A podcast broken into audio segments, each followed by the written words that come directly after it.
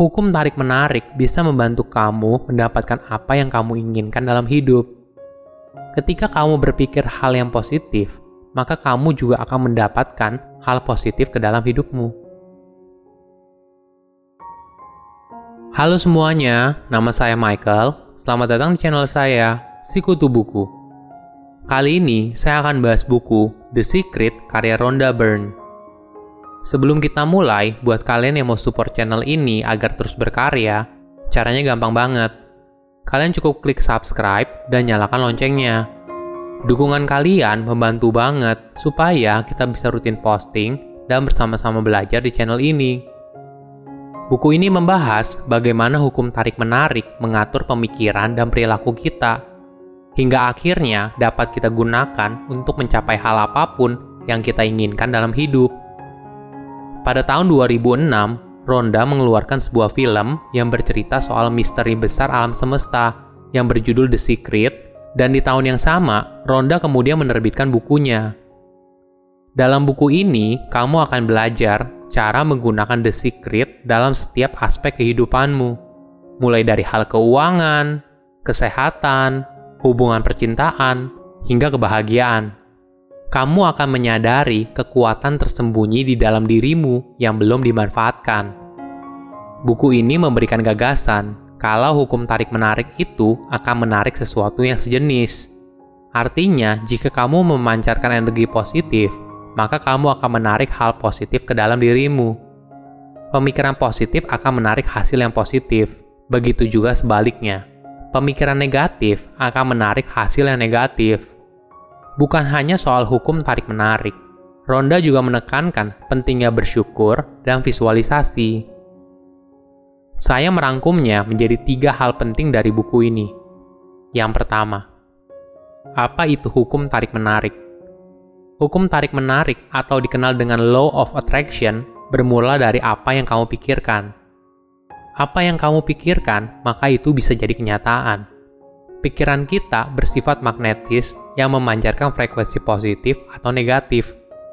Apa pun yang kamu pikirkan, maka kamu akan mendapatkan energi yang sama kembali ke dirimu, seperti halnya sebuah bumerang. Sama halnya seperti kita sedang menonton TV. Ketika kamu berpindah saluran, maka TV kamu menerima sinyal dari satelit sesuai dengan apa yang kamu mau. Oleh karena itu, ketika kamu berpikir positif, maka kamu sedang mengirimkan frekuensi yang tepat kepada alam semesta. Hidup yang kita jalani sekarang berasal dari kumpulan pikiran kita di masa lampau. Apabila sekarang kamu dalam kondisi baik, berarti selama ini kamu mungkin terbiasa berpikir positif. Apabila tidak, mungkin selama ini kamu terlalu negatif. Kebanyakan orang tidak sadar kalau dia sedang berpikir negatif kita tidak bisa menggunakan kata tidak saat melatih pikiran kita. Misalnya seperti ini. Saya tidak ingin terlambat. Hal ini dibaca berbeda. Kita malah mengirimkan frekuensi saya ingin terlambat. Hukum tarik-menarik adalah bagian dari hukum alam. Sama halnya seperti hukum gravitasi. Hukum tarik-menarik berlaku tidak peduli kamu sadar atau tidak. Oleh karena itu, penting bagi dirimu untuk mengetahui bagaimana hukum tarik-menarik bekerja dan memberikan manfaat ke dalam dirimu. Setiap harinya, pikiran dan perasaan kita membentuk dan mengatur ulang realita hidup yang kita jalani. Ada sekitar 60.000 pikiran muncul setiap harinya. Tentu saja mustahil kita bisa mengontrol semua pikiran itu, tapi kita bisa mengontrol perasaan yang muncul dari pikiran itu.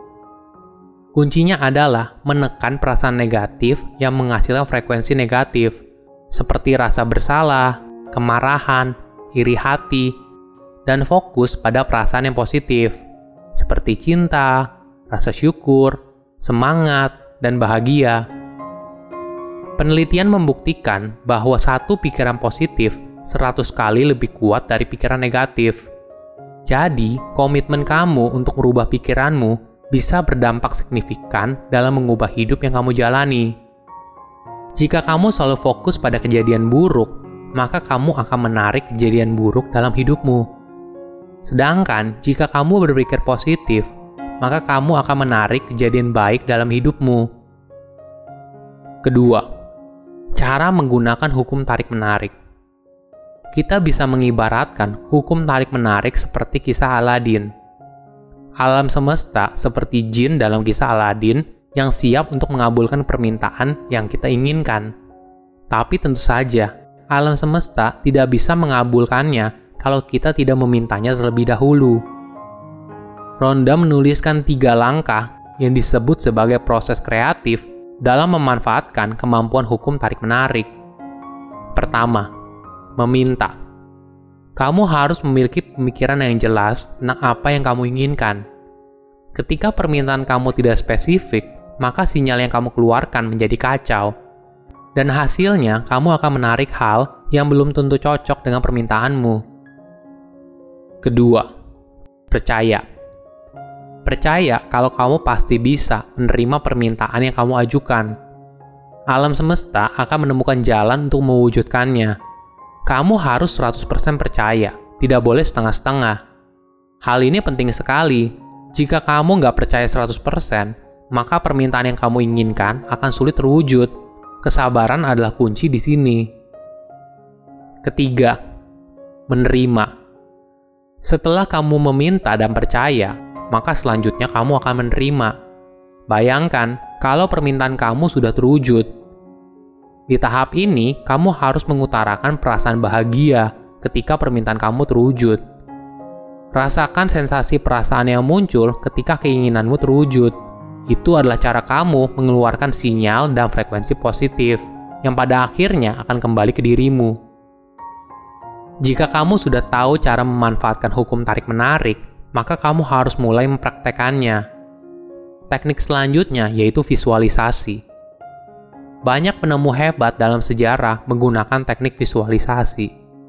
The Wright Brothers melihat sebuah pesawat dalam imajinasi mereka dan kemudian menghidupkannya di dalam dunia nyata.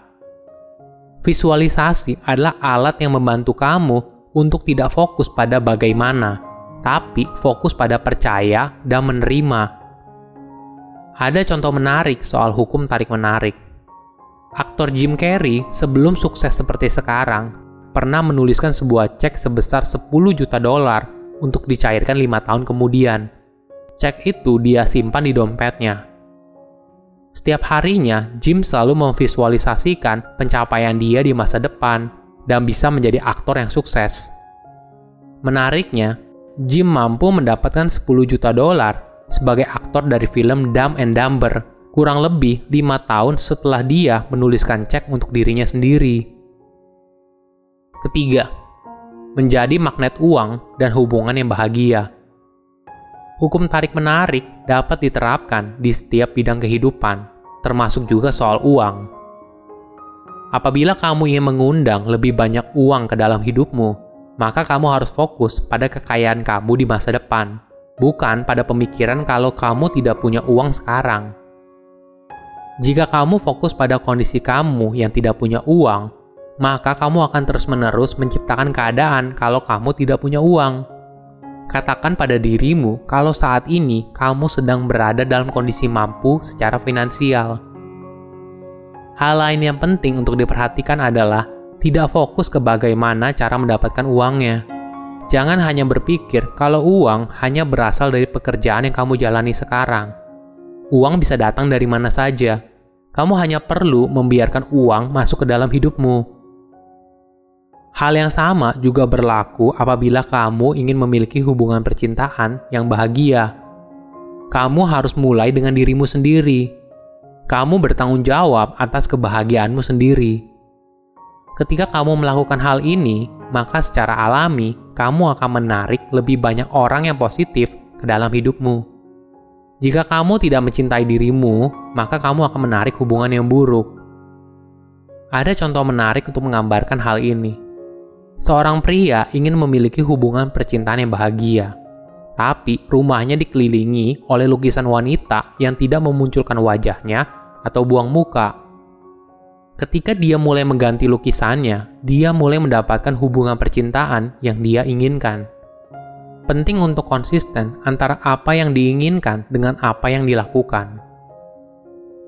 Hukum tarik-menarik bisa membantu kamu mendapatkan apa yang kamu inginkan dalam hidup Ketika kamu berpikir hal yang positif, maka kamu juga akan mendapatkan hal positif ke dalam hidupmu. Silahkan komen di kolom komentar pelajaran apa yang kalian dapat ketika baca buku ini. Selain itu, komen juga mau buku apa lagi yang saya review di video berikutnya. Saya undur diri, jangan lupa subscribe channel YouTube Sikutu Buku. Bye bye.